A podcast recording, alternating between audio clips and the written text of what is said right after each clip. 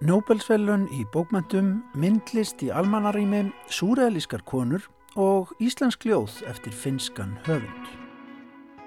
Tilkynnt var í Stokkólmi stundislega klukkan 11 í morgun að Nobelsvellun í bókmyndum hliti þetta árið bandaríska ljóðskáldið Louis Gluck Eitt fremsta núlefandi ljóðskáld bandaríkjana. Hún fær velunin, gæsalappir opnast fyrir óeikjandi ljóðræna rödd sína sem á íbörðarlausan hátt gerir personulega tilveru altæka, gæsalappir lokast, eins og segir í yfirlýsingu frá sænsku Nobelsnemdini. Við fjöllum auðvitað um Lúis Glökk í Víðsjá í dag. Halla Harðardóttir heldur áfram að feta krókaleiðir listasögunar að þessu sinni í vérnu upp glemdar giðjur súrealismans og lítur hún á síningu sem að nú stendur yfir í Louisiana safninu utan við Kaupmannahöfn. Hún heitir Fantastic Woman og þar má sjá verk eftir 34 listakonur sem kendar hafa verið við súrealisma en margar hverjar hafa fallið í glemskunar dá. Gauti Krismansson, bókmyndagagrinandi vísjár, hann fjallar í dag um, um ljóðabók sem að heitir Innfyrðir og er eftir finska velunahöfundin Tapio Koivukari sem fyrir lungu er orðin landsþektur fyrir skálsögur sínar sem að hafa komið út að undanförnu í þýðingum Sigurðar Karlssonar. Þetta er fyrsta bókin sem að Kóivu Kari skrifar á íslensku meira um þetta síðar í viðsjá í dag.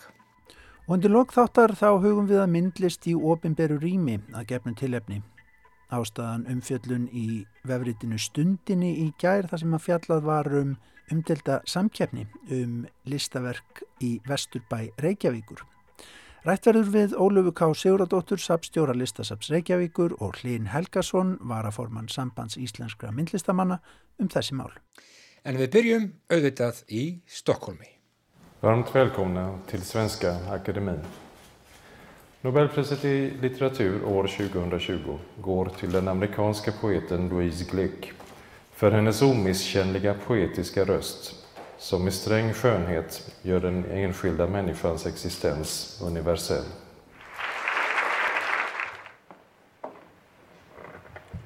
Can you hear?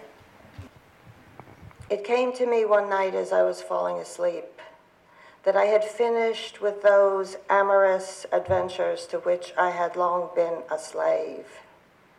Finished with love, my heart murmured, to which I responded, that many profound discoveries awaited us, hoping at the same time I would not be asked to name them, for I could not name them.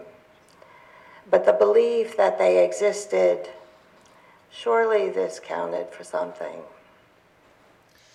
Tilkynnt var í Stokkólmi stundislega klukkan 11 í morgun þann 8. oktober árið 2020 að Nobelsvölun í bókmyndum hliti þetta árið bandaríska ljóðskáldið Louis Gluck, eitt fremsta núlefandi ljóðskáld bandaríkjana. Hún fær velunin fyrir óeikjandi ljóðræna rödd sína sem á íburðarlausan hátt gerir persónulega tilveru altæka eins og segir í yfirlýsingu frá Sænsku Akademíunni. Louis Gluck fættist þann 22. april árið 1943 og því 77 ára gömul Hún er skáld og réttgerðasmiður og marg velaunuð. Lárveðaskáld bandarækjana á árunum 2003 og 2004. Henn er gerðan líst sem eh, sjálfsæfi sögulegu skáldi, hún blandar saman goðsögnum, sögu og náttúru í því skinni að komast nær personulegri reynslu og upplifun okkar á nútímanum.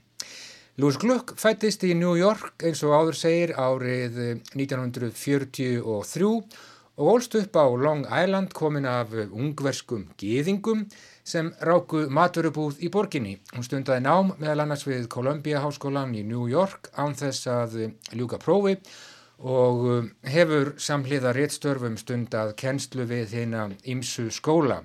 Í verkum sínum fjallar glökk meðal annars um tráma eða áföll, hún yrkir um dauða, missi, höfnun, missefnuð ástarsambönd og tilraunir til heilunar og endurníunar. Hún yrkir um þrá og náttúru, ljóð hennar eru meðal annars þekkt fyrir engar hreinskilna tjáningu á einsemd og einangrun af ymsu tægi. Öll getum við ortum þjáningu með lokuð augun, yrkir Lúis Glökk í ljóði sínu Rigningarmorgun í íslenskri þýðingu Ægis Þórs Jenke sem byrtist á sínum tíma í veftímaritinu Starafugli. Formaður sænsku Nobelsnefndarinnar Anders Olsen talaði reyndar í Stokkólmi í morgun einnig um húmor og nýf skarpa visku, hreinskilni án málamiðlana í samengi við ljóðlist Louis Glögg. Fóreldrar hennar heldu að henni á sínum tíma bókmyndum, ekki síst grískum góðsögnum. Louis Glögg byrjaði að yrkja mjög ung. Sem unglingur þjáðist hún af anorexju sem leti af sér margra ára þerapíu. Fyrsta ljóðasafn hennar First Born kom út árið 1968 og því var vel tekið. Árið 1980 brann hús hennar í Vermont til grunna með þeim afleðingum að hún tapaði öllum sínum eigum. Svo reynsla varð efni viður í verðlunabókina The Triumph of Achilles frá árinu 1985. Louis Gluck er eins og áður segir marg verðlaunuð. Hún fekk Pulitzer verðlaunin fyrir bókina The Wild Iris árið 1993 og National Book Award fyrir bókina Faithful and Virtuous Night árið 2014. Gaggrinendur og fræðumenn hafa greint í ljóðum Louis Gluck áhrif frá skaldum á borðið Robert Lowell, Rainer Maria Rilke og Emily Dickinson og raunar fleirum. Louis Gluck er fyrsta bandariska kvenkins ljóðskáldið sem hlýtur Nobelsvelun í bókmyndum í 27 ár Hún er 16. konan til að hljóta velunin síðasta ljóðskáldið sem hlaut velunin á undan glukk var eh, sænska ljóðskáldið Tómas Tranströmer. Hann fekk velunin árið 2011. Lúis Glukk getur ekki verið talin mjög þekkt á Íslandi en eh, ég brá mér í hátteginu vestur á Seltjarnanes og hitti þar Magnús Sigursson, ljóðskáld, fræðimann og þýðanda Hann þekkir vel til bandarískrar ljóðlistar og uh, hann þekkir vel til verka Louis Gluck. Ég spurði Magnús einfallega fyrst, hvers konar ljóðskald er Louis Gluck? Hún hefur verið flokkuð með hjáttningaskaldunum svokvöldu sem, sem var skaldahópur svona um miðja síðustu öld að hún sé svona uh, artæki þeirra. Hún yrkir persónlega ljóð Hún yrkir fyrstu personu lýrísk ljóð en það sem skilur hana kannski frá þessum hjáttningaskáldum svo kallu, John Berryman, Elizabeth Bishop og fleiri, Robert Lowell, er að hún, eh, það er viss fjarlæð á milli þessarar fyrstu personu sem, sem talar í ljóðunum og kannski Louis Gluck sjálfrar eins og við ímyndum okkur að, að hennar tilfinningarlíf sé. Hún, hún semst að klæðir þessa lýrisku tjáningu sína oftar en ekki í búning uh, tilbúina persóna, uh, beitir klassískum góðsögnum og, mm. og, og öðru til þess að svona skapa vissa fjarlæð á milli sjálfrar sín og já, þeirra persóna sem, sem taka til máls á, á blaðsíðinni. Hún nefnir Robert Lowell, það hefur verið sagt að hún sé já, undir áhrifum meðal annars frá honum og, og Rænir Marja Rilke sumulegðis og Emily Dickinson sem að þú þekkir nú örlíti til. Já, ég, ég sé þau sé þau áhrif ansið glögt ég sé þau kannski ekki hvað síst í manneskinu sjálfri eins og, eins og ég lesa hana ef við getum sagt þess svo glögg uh, glýmdi ung við, við anorexíu Hún laug ekki háskólanámi sögum þess, heldur uh, einbætti sér að því að ná bata. Uh, þetta, þetta var sjö ára stíf psykoanalýsa sem, sem hún gekk í gegnum og náði sér blessunarlega og talaði um að þessi reynsla hefði kent sér að hugsa. Mm -hmm. Hún byrjaði ungað yrkja og mála reynda líka og talar um það í, í rittgerðarsafni sínu Proofs and Theories að þessi þessi yðja hafi ekki veitt henni þá lausn eða, eða huggun sem hún vonaðist eftir Nei. að því að hún bar sér saman við það besta sem hafi verið gert í listasögunni Já. og hér kannski kemur fram þessi fullkomlunar ára sem getur oftar en ekki einkjent einkjent annarsísjúklinga En, en þessi löst sem hún leitaði eftir, ég held að, að með árunum geti ljóðlistin veitt hana. Það þarf að berjast fyrir henni og mér sínist hún hafa, hafa náð því með, með árunum. Hún yrkir um dauða og hún yrkir um einsemt og, og missi og missefnuð ástarsambönd en hún er líka að, já eins og þú nefnir, hún er, að, eh, hún er líka að leita leiðinni út. Já og hún gerir það eins og, eins og Akademían segir að, að ljá sem sagt hinn personlega reynsla verður alltæk og það er í raun og veru í, í, í beinni anstöfu það sem tíðkast í bandarísku ljóðagerð í dag mm -hmm.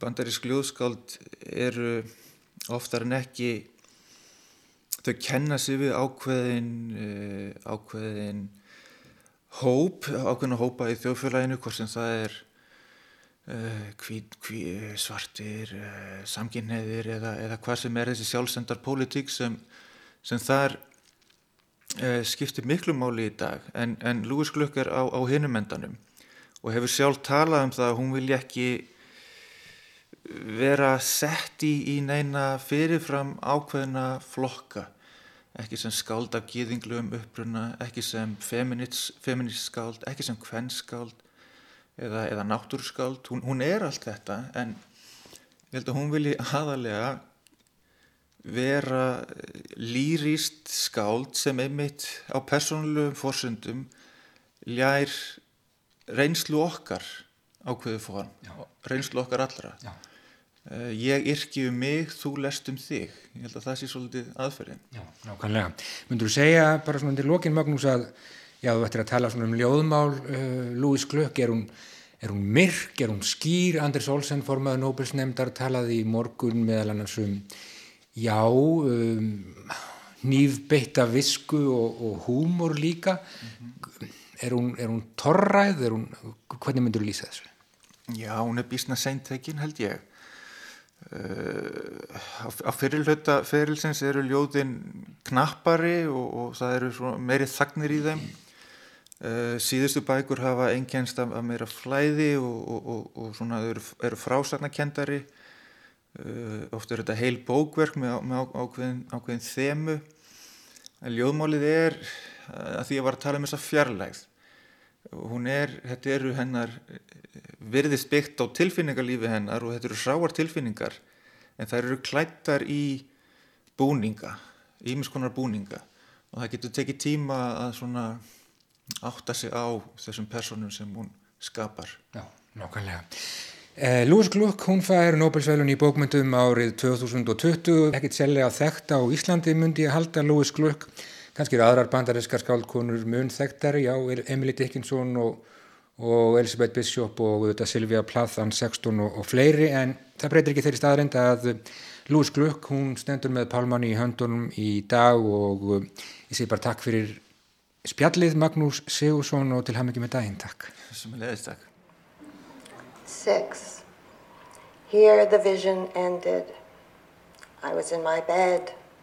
The morning sun contentedly rising, the feather comforter mounded in white drifts over my lower body. You had been with me. There was a dent in the second pillowcase. We had escaped from death. Or was this the view from the precipice? Já, Lewis Gluck að lesa þarna nýðulega ljóðsins An Adventure. Gluck fær Nobelsvelun í bókmyndum árið 2020. Ég veit ekki hvort að eh, Nobelsvelunin er lengur álitin eh, guðdómleg ráðstöfun eins og menn hafa stundum talað um, já, gáfulegt og það nú er. Eftir allt það sem á undan er gengið, nexlismál og já, umdildan Nobelsvelun að hafa í fyrra Peter Handke. Það breytir ekki þeirri staðrind að heimurinn fylgist með, Gluck var reyndar ekki ofarlega á listum veðbanka að þessu sinni en eh, sannarlega nefnd eigi að síður. Sænska Nobelsnefndin hefur alltaf farið sínar eigin leiðir og það er gott. En þá förum við yfir í myndlistina. Halla Harðardóttir hefur hér undanfarnar vikur verið að velta fyrir sér ímsu tengdu listasögunni. Halla er á svipuðun nótum í dag. Ég held hún sé að hugsa um súrealískar konur.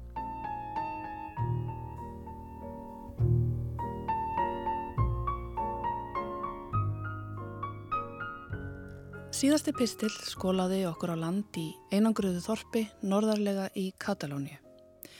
Þorpinu Cataques, þar sem að Salvador Dali hafði komið sér fyrir með ástkonu sinni, Gölu Eluard, síðar Gölu Dali. Við vorum stödd þar við lok þriði áratugar síðustu aldar þegar Dali hafði ferðast til Parísar og kynst þar einsta kjarna framúrstefnulistamanna sem að kendi sig við súrealisma.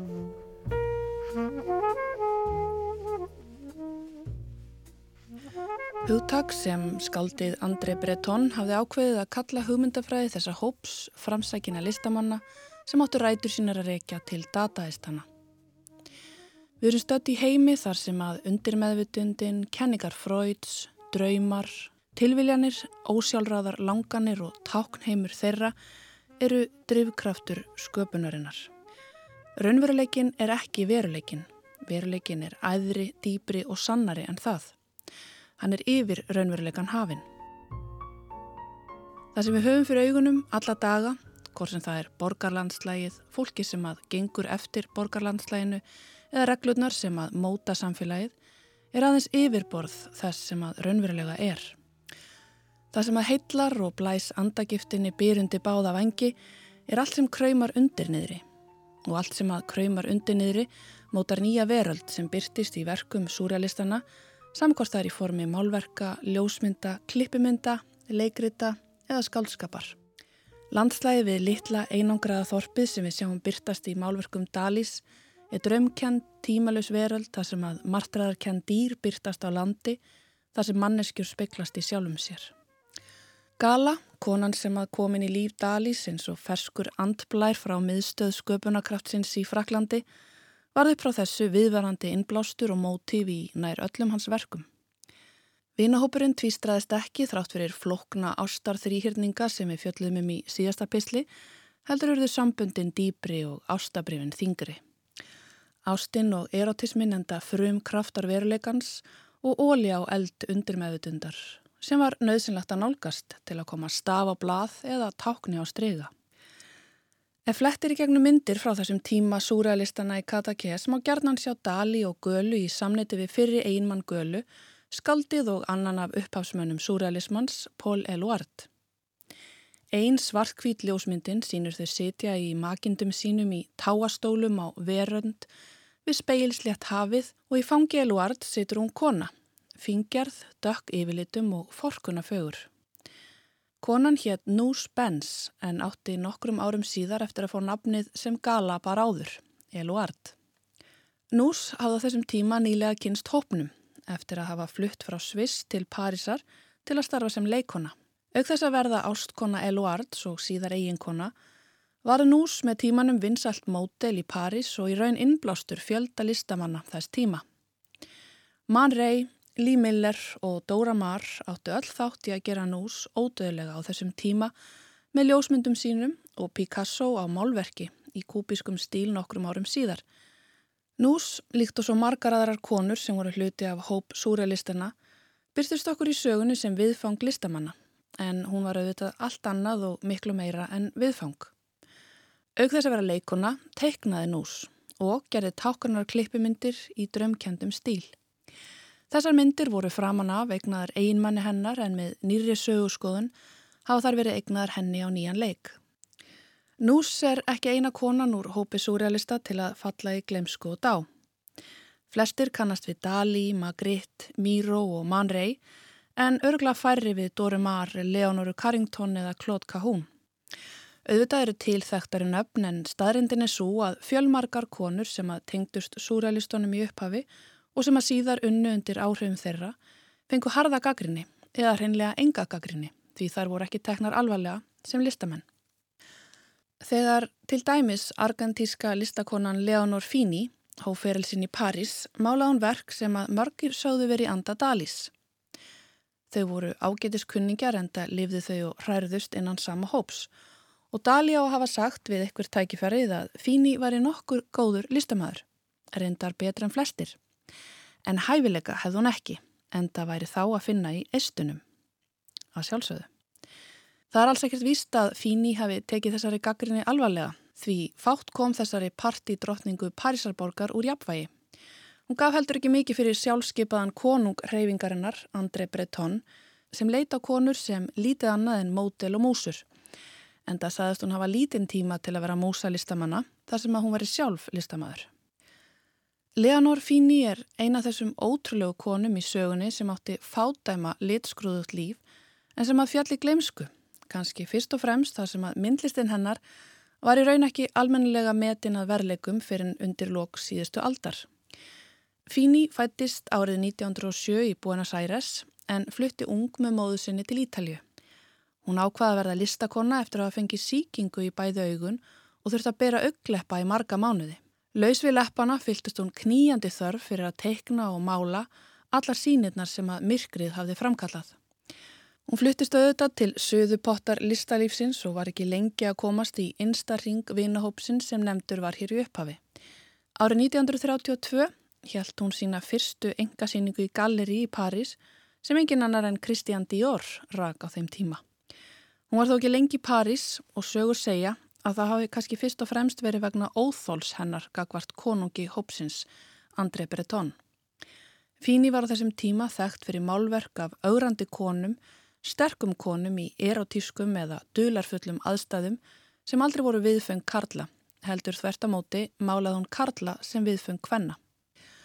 Hún fluttist um tíma til Bandaríkjana og var búið að taka þátt í henni sögulegu síningu MoMA, Fantastic Art, Data and Surrealists árið 1936.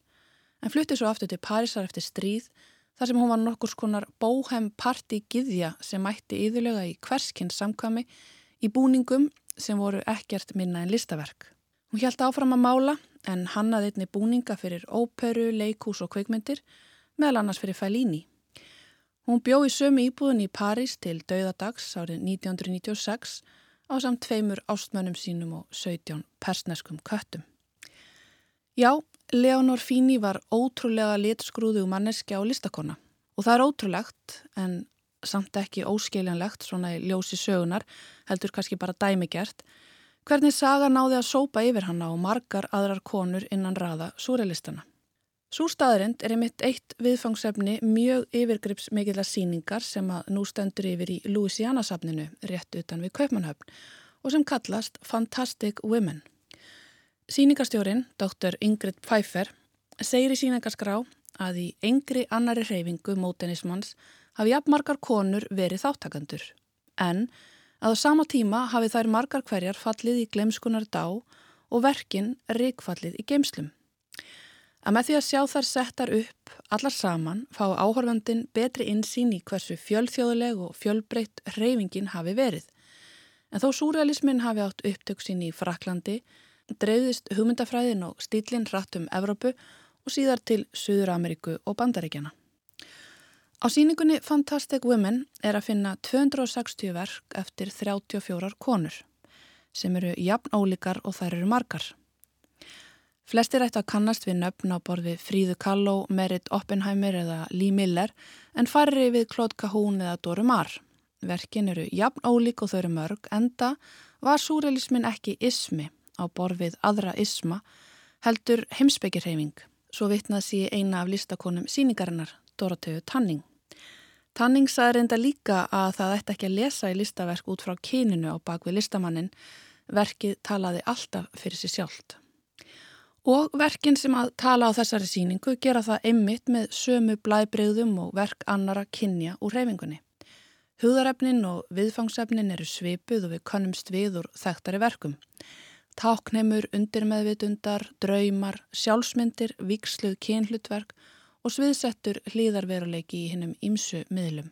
Whitney Chadwick sem að ritaði um konur í reyfingu surrealista árið 1985 í bókinni Women, Artists and the Surrealist Movement og árið 2018 í bókinni Farewell to the Muse, Love, War and Women of Surrealism segir að það sem helst saminni þessar listakonur sé hvernig það er augri, tógi og tegi á skilgarinningum samfélagsins. Ekki síst þó hvaða þýði að vera kona og kyn vera á eigin forsendum. Hún rekur það einni hvernig konunnar innan reyfingarinnar byggði upp sitt eigið tengslanett og vinskap sem ofta tíðum helst út alla æfina. Í fyrstu stefnu yfirlýsingu súrælistana frá árinu 1924 þar sem að Andrei Breton nefnir reyfinguna í fyrsta sinn, segir hann súrealisma í eðli sínu vera ósjálfráða undirvitundina sem að brjótist upp á yfirborð veruleikans og umbreytist þar í mótaða hugsun með hjálp listarinnar. Listamæðurinn er þannig milliliður undir meðvitundar og veruleika en súrealíski listamæðurinn þarf að vera frjáls því einungis í frelsi undan öllum kerfum samfélagsins getur hann miðlað sannleika undir djúpa hugans. En líkt og annar súrealisti, Merit Oppenheimer, bendi á, þá er frelsið aldrei gefins, heldur þar að berjast fyrir því. Og það var auðvitað aðeins flóknar fyrir konur en karla.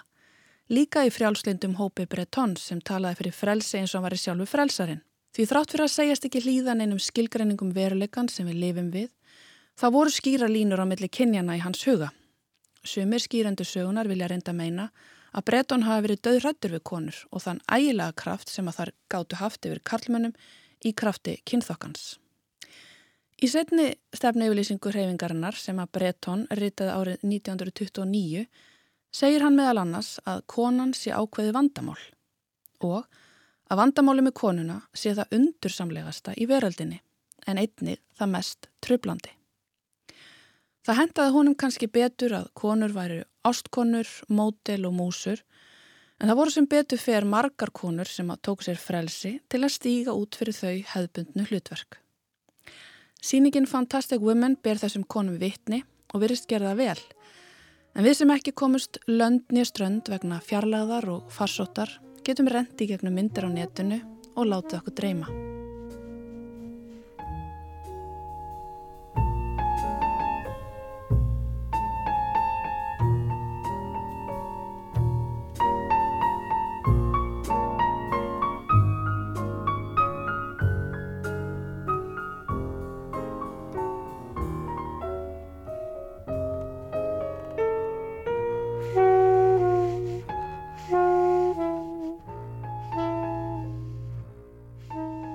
Nokkri tónar hér á eftir umfjöllun Höllu Harðardóttur um súrealisma og konur í listasögunni. En þá aftur yfir í bókmyndunar. Finski velunahöfundurinn Tapio Koivukari er fyrir löngu orðin eh, landstektur fyrir skáldsögur sínar sem hafa komið út í þýðingum Sigurdar Karlssonar. Hann bjó á eh, Ísafyrði í mörg ár og eh, hefur þýtt fjölda íslenskra skáldverka yfir á finsku. Ljóðabókin Innfyrðir er fyrsta bókin sem að Tapio skrifar á íslensku. En í þessu verki þá fjallar hann um kynni sín af vestfjörðum og Íslandi og um ferðir um aðra heimskluta unsan staðnæmist í heimahögum sínum á vesturströnd Finnlands. Við skulum heyra hvað Gauti Kristmánsson hefur að segja um þessa bók. Það er ekki heglum hent að yrkja á öðru máli en móðumálunu. Vitanlega hefur það verið gert um aldir, til að mynda latínu þegar það var bókmentamál og móðurmálin eldhúsmál. Sjaldnar í setni tíð, eftir að móðumálsreifingin gekk frá latínunni og skóp það sem við kölluðum þjóðarbókmentir og fólk tók að tengja sjálfsmynd sína við þær og móðumálið. En oftast voru það skáld og reithöfundar sem tilnitt voru til að reita á nýju tungumáli til að mynda af Latimín Nabokov og Milan Kundera. Að óglendum þeim fjölmörgu frá fyrrum nýlendum Evrópu sem ortu og skreifuð á máli nýlenduherrana tók þeim þó að fjölga með auknum flutningum fólks um Evrópu. Í Þýskalandi voru meira að segja veitt velun frá 1985, einungis ætlu skáldum með annað móðumál. Adelbert von Camisso velunin, nefnd eftir frönsku skáldi sem orti á Þýsku, flóttamanni frá Fraklandi við upphaf 19. aldar. Ég minnist þess einnig frá námsára mínum á tíunda áratögnum í Þýskalandi að töluveri fjöldi skálda og reytöfunda var að spretta upp sem svo var ástætt um. Innflytjendur. Nöfnin eru mörg til að nefna hér en þau settu Þýskun á hreyfingu. Ekki með ennsku slettum heldur með nýri hrinjandi. Hrinjandi sem var svo lík og samt svo öðruvísi. Svona svo litið eins og hjá Samuel Beckett.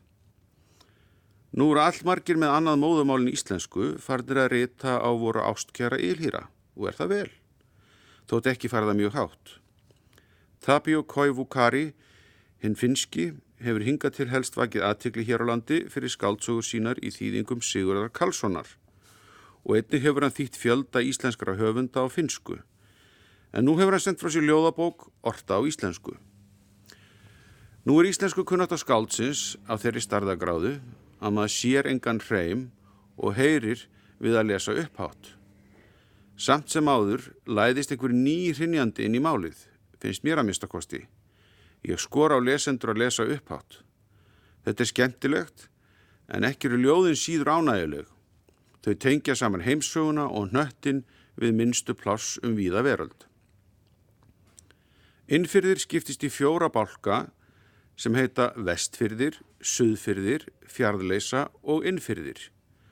Strax á þessum yfirskriftum má sjá örla á þessari framandi hrinjandi og orðasköpun úr öðru máli. Orðin suðfyrðir og fjarlæsa koma ekki fyrir orðasöpnum átnástofnunar á netinu og mér til efsa þau finnist í einhverjum seðlasöpnum. Þau eru öðru vísi en um leið fullkomlega röggreitt íslenskt mál, skapandi nýjungar. Um leið eru þetta raunverulegar landfræðilegar tilvísanir þar sem ljóðin í bókinni vísa oft til tiltekina staða og þau byrja á flateri þar sem ljóðmálandi verðist hafa verið að vinna í fiski um aldamótin síðustu. Tilvittun hefst. Flateri 1. Úti gleymast flökin á færibandi. Millir fjalla speglast í fyrðinum gullin heiminn. Línubátar kom í land, rista djúft. Á helginni brotna rúður. Ælan fellur á hjarnið blóð skvettist í skerröða depla. Hér má greina hvernig skáldið lagar sig að íslenskri hefð með töluverðri stuðlun, gerir ljóðu þannig íslenskara, en við sjáum í næstu ljóðum um flateri að sjónarhortnið er útlensinsins, eins og í lokum þess þriðjað til utun hefst. Flestur okkar þáverandi útlendingana vorum brátt úr sögu þorpsins. Örlítil írónisk tilvísun til Íslendinga sagna þar sem ýmsir voru úr sögunni. Ljóðmælandin er síðan komin til Ísafjörðar eins og náði fluttangað og það er einhver sem segir honum að hann þurfi ekki að fara neitt. Ljóðið ögur leiður okkur síðan að sögum um kvalfangarna basknesku sem Ari Ögrili drepa í fjöldatali og höfundurinn hefur líka skrifað um skáldsögu og komin út hér á landi árið 2012. Vestfjörðabálkinum líkur svo með mynd af múrmönskum tógara í höfn þar sem ljóðmálandi ræði við skipveri á móðumáli þeirra og hann spyr hvernig þeim gangi. Kaktjela? Svarið er normalno. Ljóðmálanda verður þá á orði. Já, auðvitað. Hvað annað en normalno? þar sem sólinn skín og ennir til tópak. Annar bálkurinn, Suðfyrðir, hefst á ljóðum Keflavík og það er svolítið eins og fyrsta menningar áfallið við komuna til Íslands og ljóðmælendin spyr að lokin lýsingu. Hér er fræga íslenska náttúran. Grjót, snjór, rók, myrkur. Hvert er ég eiginlega komin?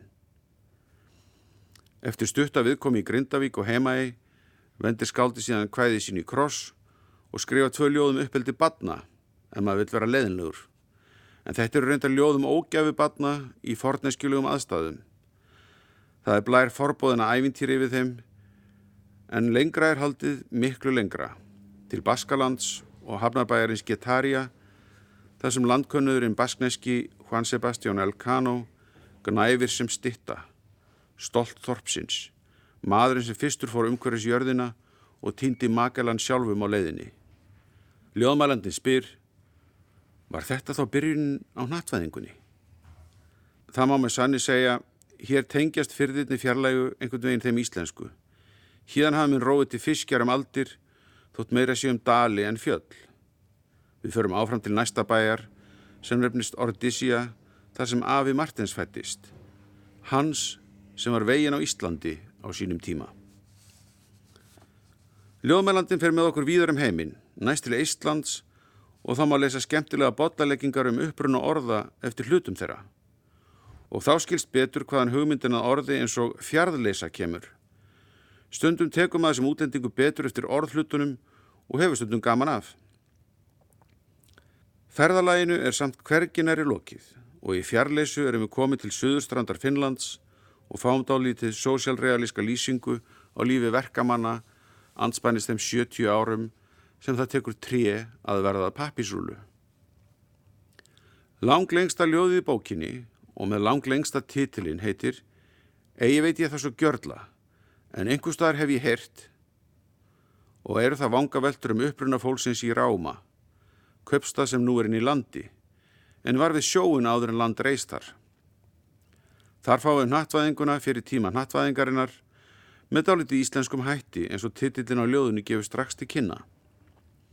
Það meiri svo ofið dáliti skemmtilegri finskri herúlakenningu inn í þessa vangaveltur um þjóðflokk sem hvar frá rínarbökkum og stuttu eftir byrtust nýmóðins grafir í eura, vestar í héræðinu og lögðumenn í þær betri játgreipi en þangað til höfðu tíðkast. Eðurverjar eru annars rauðleitir í framann og frekar öllkærir eins og alvöru germanar. Og þannig heldur Ljóðmalandin áfram með vangaveltur sínar í samræmi við þá staðrind að góð saga er betur en óskjálfest eiða og líkur hann ljóðin á línum sem vísa sterklega til íslenskra miðaldabókmanda. Síðasti bálkurinn innfyrðir er á persónluri nótum, þótt sumum þráðum bókarinnar sé framhaldið, sérstaklega endur tekur sonarminnið sig bæði alvöru og góðlótlegu gríni. Lokaljóðið er hins vegar stingandi sárt, þótt ekki sé beinlinni sagt hvað sorginni veldur. Það er líka eðlilegt að láta lesendum eftir að tólka það, að lokinni svo stórfengleiri heimsreisu í tíma og stöðum, frá Íslandi til Baskalands, umhverfis jörðina og til Íslands og Finnlands og allt í kunnulega framandi hrinjandi sagði Gauti Kristmánsson um ljóðabókina Innfyrði eftir finska réttuvundin Tapio Koivukari. Vefmiðlinn Stundin greindi frá því í gær og þar hjælt Freyr Rökkvaldsson, bladamæður og penna, að myndtökurafélagið í Reykjavík væri ósátt með framkvæmt og niðurstöðu samkeppni um nýtt útilistaverk í Vesturbæ Reykjavíkur. Þar kom fram að félagi vildi meina að brotið hefði verið gegn samkeppnisreglum sambands íslenskra myndlistarmanna við framkvæmdina. Sambandið brúðist eftirlitslutverki sínu og listasafn Reykjavíkur hefði einnig brúðist í málinu. Ástæða óanauðunar svo að þeir sem að sigruðu í samkeppninu um listaverkið eru ekki starfandi myndlistamenn heldur arkitektar Baldur Helgi Snorrason og David Hugo Cabo og rítöfundurinn Andri Snær Magnason fyrir tillugu að verkinu sjávarmál. Freyr vittnar í greininni í forsvarsmenn myndtökurafélagsins sem að segja að slíkar samkeppnir allt og fátíðar og að í þessu tilveiki hafi orðalag keppninar verið allt of opið um það hverjir getur tekið þátt. Við sjá forvittnaðastu málið og kallaði til veffundar með Ólöfu K. Siguradóttur, sapstjóra listasaps Reykjavíkur og hlini Helgarsinni varaformanni Sím. Hér er Óluf aðeins um fyrirkomulag slíkra samkjæmna. Það er náttúrulega ekki oft sem auglist er eftir, eftir uh, tilugum á útlistaverkum eins og bara komið fram í þessar umræðu, það mætti það alveg vera meira. Og um, þegar að safnið hefur verið að auglisa eftir útlistaverkum allavega síðust árum, ég menna það eru svo sem farnar ímsa leiðir að því, en þá hefur verið leita eftir samstarfi við samband íslenskra myndlistamanna um að nota þeirra samkjæfnisreglur, það er samt ekkit algilt. Það er alveg, það er alveg, alveg verið, hefur alveg verið farin svo leið að eiga í samtali við valda listamenn um útfæslu á hugmyndum. Þá er hugmyndin svo að, að það endi með því að einhvað af þeim hugmyndum séu síðan framkvæmdar. Það er allur, allur, allur gangur á þessu en í þessu tilfelli til dæmis að þá er óskað eftir samtali við sím um notkun á samkeppnisreglunum og það átti til dæmis líka við þegar við auglustum samkeppni Vogabið og þá fer fram samtal, það er í rauninni hvaða leið, því það er búið upp á nokkra leiðir, hvaða leið á að nota í samkeppninni, hvort að það er hérna opinn samkeppni eða lókuð samkeppni eða samkeppni með forvarli eða eitthvað slíkt. Og það eru reglur sem eru bara lagða niður í reglunum hjá þeim. Og það er í sko þeirra reglum þá til dæmis líkur mjög skýrt hérna hugmyndunum nafnlind allavega þegar eru svona opnar samkeppnir og síðan þá eru oft, er, er kannski sko hugmyndin um nafnleind í fór samkeppni og síðan þegar kemur að setni stigum að þá, er, þá eru listamenn undir nafni, það er byrst á hverju það eru sem að fara áfram í samkeppninni. E, í þessu tilfelli þá var óskæð eftir því að hafa tillöguna opna eða samkeppnin væri opinn og það var gert í anda þess að þessi tillaga hún kæmi fram í gegnum uh, svona líðræðisverkefni sem Reykjavíkuborg er með sem er hverfið mitt. Það lág svona í þessi hugmyndum það að, að, að það gæti verið arkitektar sem tæki þá að því að það væri hægt að hugsa þessi listaverk sem hefði kannski einhverju funksjón í umhverfinu aðra heldur en svona hugmyndalega nærveru og sem að byggir þá á sko, áhugaverðri myndrætni útfæslu á hugmynd. Þannig fór samkeppnin af stað, þar að segja hún var í opinöllum. Komið gríðilega margar tillegur, domnendin var skipuð samkvæmt bara fyrirfærum ákveðin aðferð og ég held að það fólk hafi innið að heilendum að sínu, sínu vinnu að, að það, ég er búin að sjá sagt, gögnin sem fylgja þessari, þessari tillögu eftir að hérna, það var ofinbyrra hverjir hefðu sigrað þá var þetta mjög faglega unnin tillega. Það var tillega sem að augljóslega hafi mjög sterka hugmyndulegan grunn, áhugaverða myndræna útfæslu og engin ástæði til að halda annað en að þarna væri fagmenn að baki enda, enda kannski erfitt að, að deila um það að arkitektar sem hafa myndræna mentuna baki og eh, einstaklingur sem er þekktur fyrir að hafa áhugaverða hugmyndir fram að færa gætu unni saman að áhugaverðri tilhugu.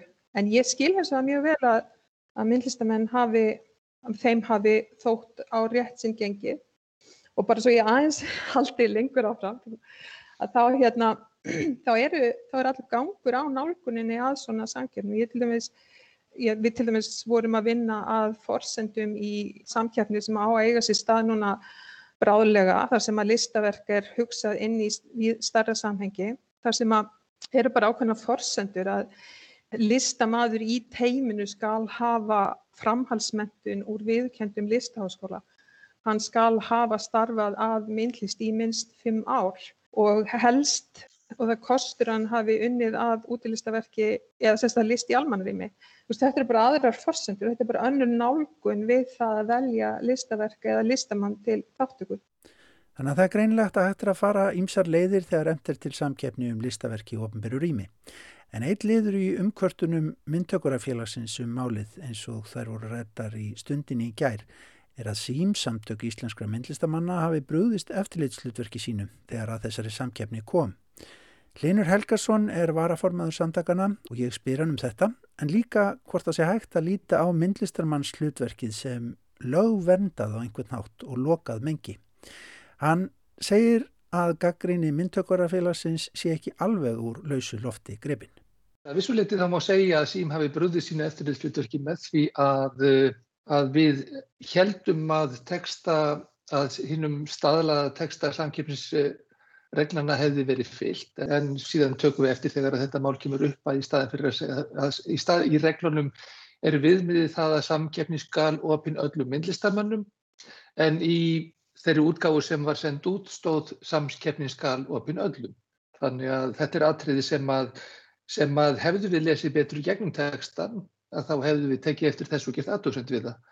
En eh, um hinlutarspurningarunar þá getum við sagt það að um, svo hugmynd held ég hafi verið nokkur negi gjörðuð árið 1863 að myndlistamadur sé eitthvað eins og Ólafur lýs áðan eitthvað, eitthvað mjög skýrt faglega mótað hlutverk og um, svo ég minni nú félaga mín í myndtökarafélaginu á það að þá var myndtökarafélagi stopna vegna þess að eldra áhrifafélaga myndlistamanna sem var félagislingra myndlistamanna á þeim tíma að, að það vildi halda vel utanum allar samkjöfnir og allar reglur þannig að einungist þeir sem væru félagir í því félagi og eittu rétt á því mættu taka þátt og, og myndtökarafélagið er eitt af mörgum fagfélagum sem voru stopnuð út úr þeirri deilu. Og það má reynda nefna það að myndtökurafélagið er ekki bara fulltrúi myndlistamanna vegna þess að í myndtökurafélaginu eru, eftir því sem ég best veit, tveir guldsmiðir og tveir heimsbyggingar sem að eh, eru áhuga menn um ímsa þætti í starfi myndtökurafélagsins þannig að, þannig að mér finnst þarna svona aldrei skjóta skökku við að myndtökurafélagi vil ekki lefa þessum aðilum að taka þátt í samkjæfni sem þessari. En það má samt alveg sína því skilning að, að þeir sem hagsmunarsamtök reyni að berjast fyrir svona einhverjum, einhverjum rétti. Þannig að maður getur alveg sínt því skilning en það verður hins vegar alveg að, að horfast í augvið það að samtíminn opnar á fleiri og stærri hugmyndir að, að myndlistinni. Ég meina við lifum á tímum hugmyndalistar þegar að, þegar hugmyndir fæðast ekki aðeins í kolli þess sem að hefur fengið sko, þjálfun í myndlist. Það fæðast víðar, útfæslan getur síðan verið í höndum svo fjölbreyttra aðila. Að, en, en ég síni því samt sem áður fullan skilning að myndtökurafélagið vilji orða sína óanæg. Ég held líka kannski að hluti af þessu tengist ástandinu sem er í gangi núni í þjóðfélaginu að myndlistamenn sem er innan myndtökurafélagsins sérstaklega búa við afar draungastöðu núna þar sem að, sem að mjög fjölþættir tekjumöguleikar þessa hóps hafa hrunið. Margir innan myndtökurafélagsins eru tengdir sviðslistum með sínar tekjur, margir eru tengdir ferðaðinaði með sínar tekjur þannig að síðan kemur þessi möguleiki fyrir tekjuöflun og það í raun og veru og, og við getum sagt að sé vist svekkelsi í gangi út af þessu og viðbröðin sterk út af því. Er svona ég, ég tólka þetta sem, sem viðbröð við ástandinu sem að þjáir myndlistarheimin eins og er á Íslandi. En er það endilega holdt að loka slíkum samkeppnum og fara alltaf fram á einhvers konar myndlistarmanns skýrtinni fyrirfram til að fólk fá að taka þátt? sko til þess að verða félagi sím, ólíkt myndlökarafélaginu, þá krefjustu þess að fólk sé með myndlistarmentun eða mjög staðfestan feril á, á, á sviði myndlistar. Hins vegar þá auðvitað vitum við það að, að, að nútíma myndlist eða samtíma myndlist er að miklu leiti teimisvinna og er að miklu leiti að verða mikið þverfagleir og kannski þeir þættir myndlistar sem eru áhugaverðastir eru það. Á sama tíma getum við sagt að fyrirkomilagið á þessari samkeppni, þess, þetta líðræðislega fyrirkominlag þar sem að hugmyndi var að, að verkið væri kæmi inn í eitthvað ákveði perfiskjarna að svo leið í raun og veru sem að ég reknar við með að hafa átt sér stað á milli sapsins og þeirra sem komu að þessu frá sím að vera með opna, nafnlausla konun í þessu ferli myndi ég segja er óheppileg. Ég meina svona nafnlaus opinn samkeppni, hún á mikið betur heima í samkeppni þar sem þú í raun og veru regnar með því að niðurstaðan verði einhvers konar síninga eða hlutur þar sem að amatörur eigi eitthvað þátt og þar sem velur hluti ekki endilega bara eftir gæðum heldur út af mismundi áhuga þátt.